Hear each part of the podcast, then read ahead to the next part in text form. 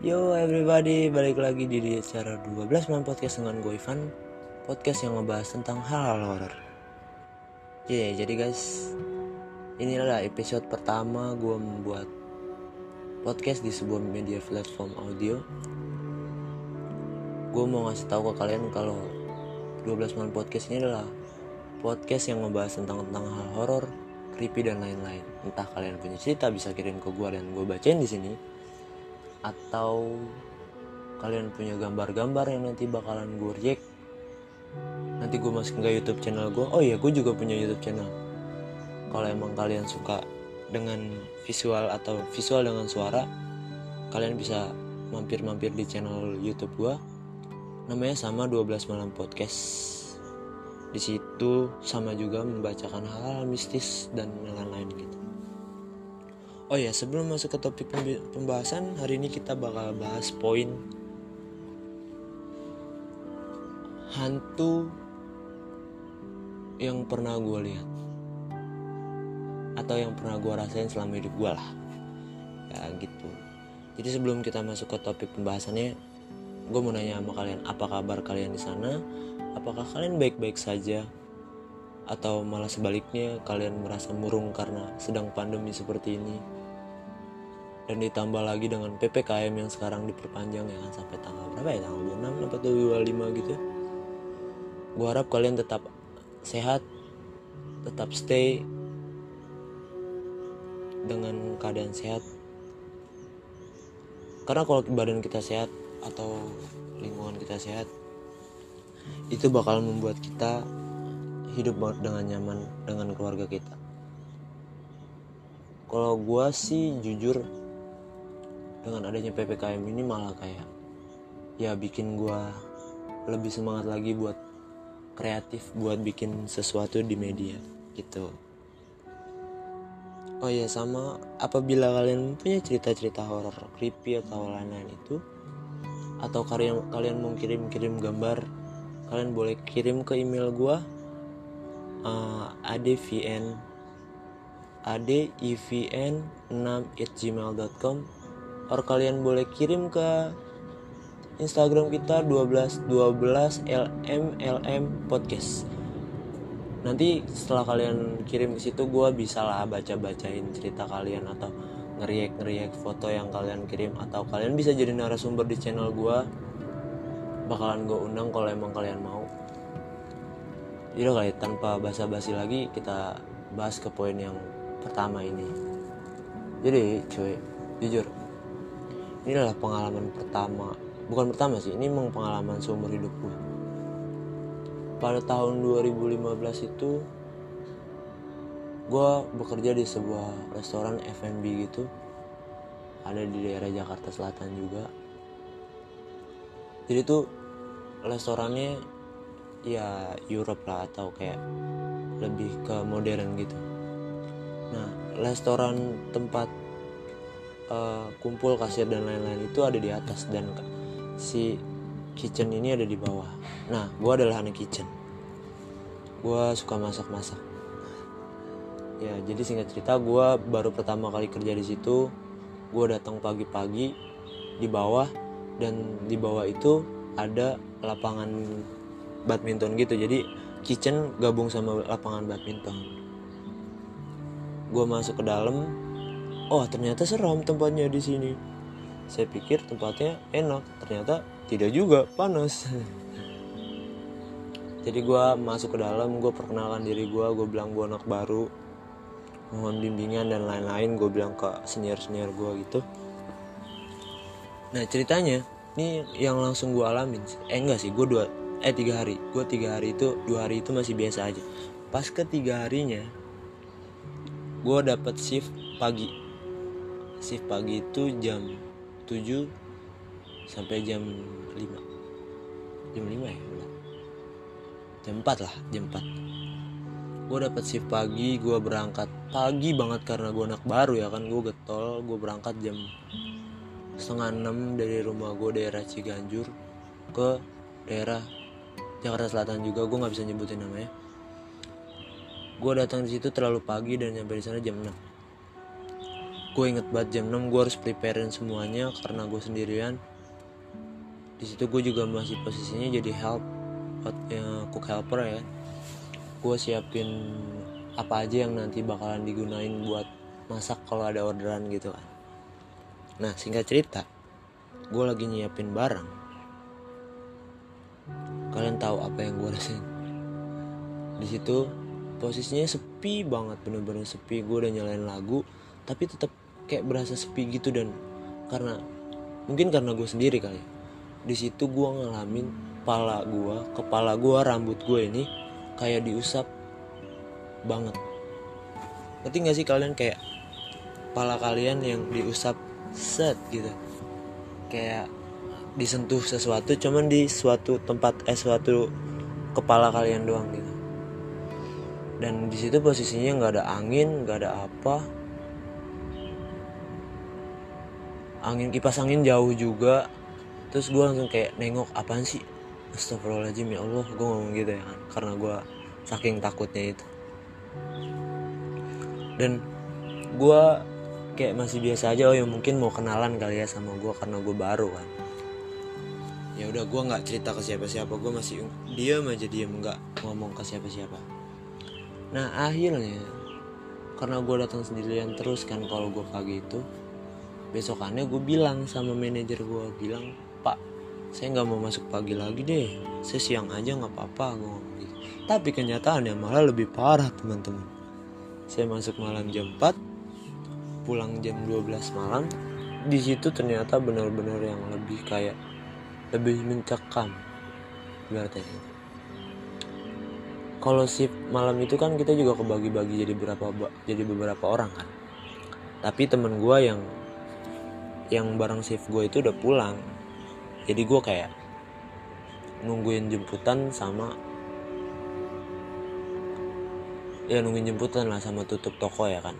Karena gue tutup toko akhirnya gue sendirian dong gitu gue udah tahu nih kalau di sini tuh tempatnya sebenarnya nggak enak. Tapi gue malah kayak ya udah mau gimana lagi? gitu. Akhirnya gue duduk di bangku jadi kitchen gue tuh kitchen tempat istirahat sekalian gitu nah gue duduk di tempat istirahatnya gitu bangku sofa. Gue tidur tiduran gue sendirian. Gue sisinya udah takut banget sih jujur. Cuman karena jemputan gue belum datang ya udah gue di situ aja sambil main handphone dan lain-lain. Di malam itu masih kejadiannya biasa aja. 12 jam 11 itu masih biasa aja. Pas jam setengah satu kan udah mulai hening banget kan. Udah nggak ada orang cuman lagu doang yang gue putar di situ gua ngalamin yang namanya ah bukan ngalamin sih lebih tepatnya ngelihat hal yang belum pernah gue lihat kayak kursi kursi itu ada di atas meja. Tiba-tiba jatuh dong. Itu kursi jatuh teman-teman. Kursi jatuh buah sambil bunyinya kayak gitu. Dan gue pikir itu ya ampun ini apalagi kemarin kalian udah nyentuh pala saya. Apa kalian masih kurang penasaran dengan saya seperti itu akhirnya gue kayak takut dong takut jelas kayak gitu. Kan Allah Allah. Buat sambil istighfar dan lain-lain. Dan setelah jatuh tidak berhenti teman-teman. Tetap bergerak dong saya langsung kabur yang pasti ya kan. Saya naik ke atas dan ternyata di atas itu masih ada kasir dan lain-lain. Saya cerita di situ ke teman-teman. Saya bilang kalau saya ngelihat kursi jatuh dan bergerak.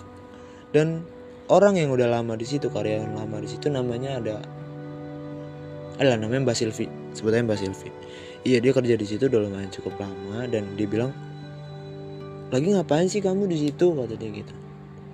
Kan di sini bisa. Kenapa kamu harus di bawah? katanya gitu. Ya karena saya mikirnya kan saya masih anak baru ya kan jadi anak baru. Kayak gue nggak enak aja gabung sama mereka gitu. Dia bilang eh akhirnya gue bilang mbak saya begini begini begini begini iya emang di bawah itu sering kejadian kayak gitu. Gue juga denger kok di bawah tadi ada yang jatuh gitu kata dia gitu. Iya mbak saya takut jadinya kan. Makanya saya jadi naik ke atas gue ngomong gitu.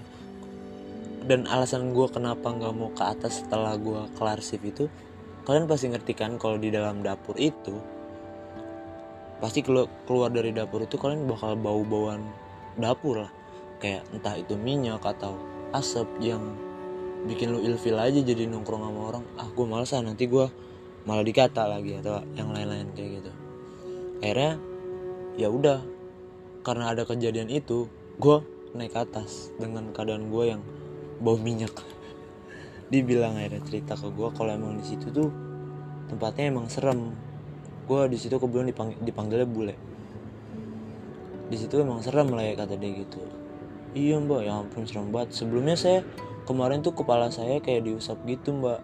Saya pikir dia cuma mau perkenalan tapi malah eksistensinya di bawah itu lebih parah ternyata gitu. Dia bilang oh iya? kata dia gitu. Iya sebelumnya gue juga ngalamin sih Fahan kata dia gitu. Gue sering ngeliat di bawah cuman gue kayak nggak mau bicara aja kata dia gitu. Iya makanya gimana ya mbak? Saya jadi takut nih besok ke sana kata gue gitu kan nggak apa-apa hal ini mungkin perkenalan. Iya ya ya udah dah akhirnya gue bilang lagi ke manajer gue buat masuk pagi. Manajer gue nanya dong kenapa sih lu mintanya di rolling terus? Emang lu nggak capek? Dari pagi ke malam dari malam ke pagi. Ya capek sih pak cuman saya takut gue gitu. Takut kenapa? Dia ngomong kayak gitu. Iya gue ngasih gue ngasih tahu dah tuh alasan gue kenapa.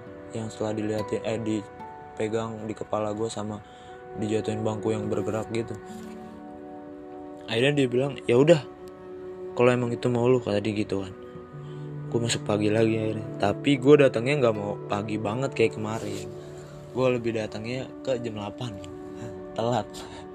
Kan telat sih maksudnya kayak lebih iseng aja gue sengaja biar temen gue yang duluan yang datang gitu. Akhirnya gue datang. Masih biasa kayak dia nggak ngalamin hal. Mungkin orang ah, hantunya yang di situ udah kenal sama dia kali ya. Jadi nggak biasa-biasa aja. Nah singkat cerita lagi beberapa bulan kemudian ada lagi yang masuk anak baru. Jadi tuh restoran itu emang kayak gimana ya dia bisa dibilang keluar masuk keluar masuk atau gimana gitu. Pokoknya dua bulan abis gue masuk itu ada lagi yang masuk cewek. Nah kebetulan cewek ini adalah cewek yang sangat-sangat menurut gue ekstrim sih. Karena dia bisa ngerasain gitu ngerasain apa yang orang lain gak bisa rasain dan gue usut gue usut gue usut ternyata dia tuh iga jarang. Itu dia tuh ternyata iga jarang yang apa ya yang kata orang itu kalau iga jarang itu lebih rentan terhadap hal-hal mistis gitu. Kalian tahu apa yang terjadi ketika dia masuk pertama kali? Dia nangis. Dia nangis dia bilang ke eh dia nggak bilang dia nangis doang nangis terus ditanya sama anak-anak kenapa kok kamu nangis? katanya gitu. Itu di situ tuh di tempat itu di sofa yang kemarin gue bilang itu. Ternyata di situ ada gundurwo teman-teman. Gundurwo kalian bayangin gundurwo yang kalian tahu gundurwo kan? Gundurwo itu tinggi sama badannya berbulu gitu. Hitam. Dan gue kayak ya pantesan kemarin gue digangguin gue ngomong gitu kan. Dan dia nangis terus kesurupan. Kesurupan abis itu kayak tahu semua kan akhirnya. Akhirnya restoran gue itu sama kitchennya gue itu di ngajin dibikin pengajian buat ngusir si hantunya itu aja sih yang menurut gue itu pengalaman hidup gue yang belum gue share di YouTube gue di YouTube channel gue gue mau nge-share di sini aja buat kalian nih kan yang suka dengerin podcast podcast di Spotify or something like that. Uh, itu itu kan pengalaman gue ya. Oh ya kalau emang kalian punya pengalaman jangan jangan lupa kirim-kirim ke kita oke? Okay? nah udah dari situ manajer gue ngadain pengajian. Ngadain pengajian habis itu gue keluar karena gue takut. Mungkin itu aja kali ya cerita yang hari ini gue mau bahas dan gue kasih tahu ke kalian. Oh, pengalaman yang bisa dibilang ekstrim gak sih kalau kayak gitu menurut kalian? Ekstrim ya itu ekstrim banget sih menurut gue juga. Dan akhirnya akhirnya akhirnya akhirnya. Gue pulang aja. Gue nggak mau lagi ngeliat hal-hal seperti itu atau merasakan hal seperti itu. Jadi akhirnya gue nganggur lagi. Itu. Dan sekarang gue sekarang lagi kerja di daerah Sudirman. Oke sebelum gue tutup acara ini Alangkah baiknya kalian mampir ke YouTube channel gue dan dengerin podcast gue di sini sama kalian share share ke teman-teman kalian yang pasti ya kan. Sekian dari gue gue Ivan dari 12 malam podcast. Wicau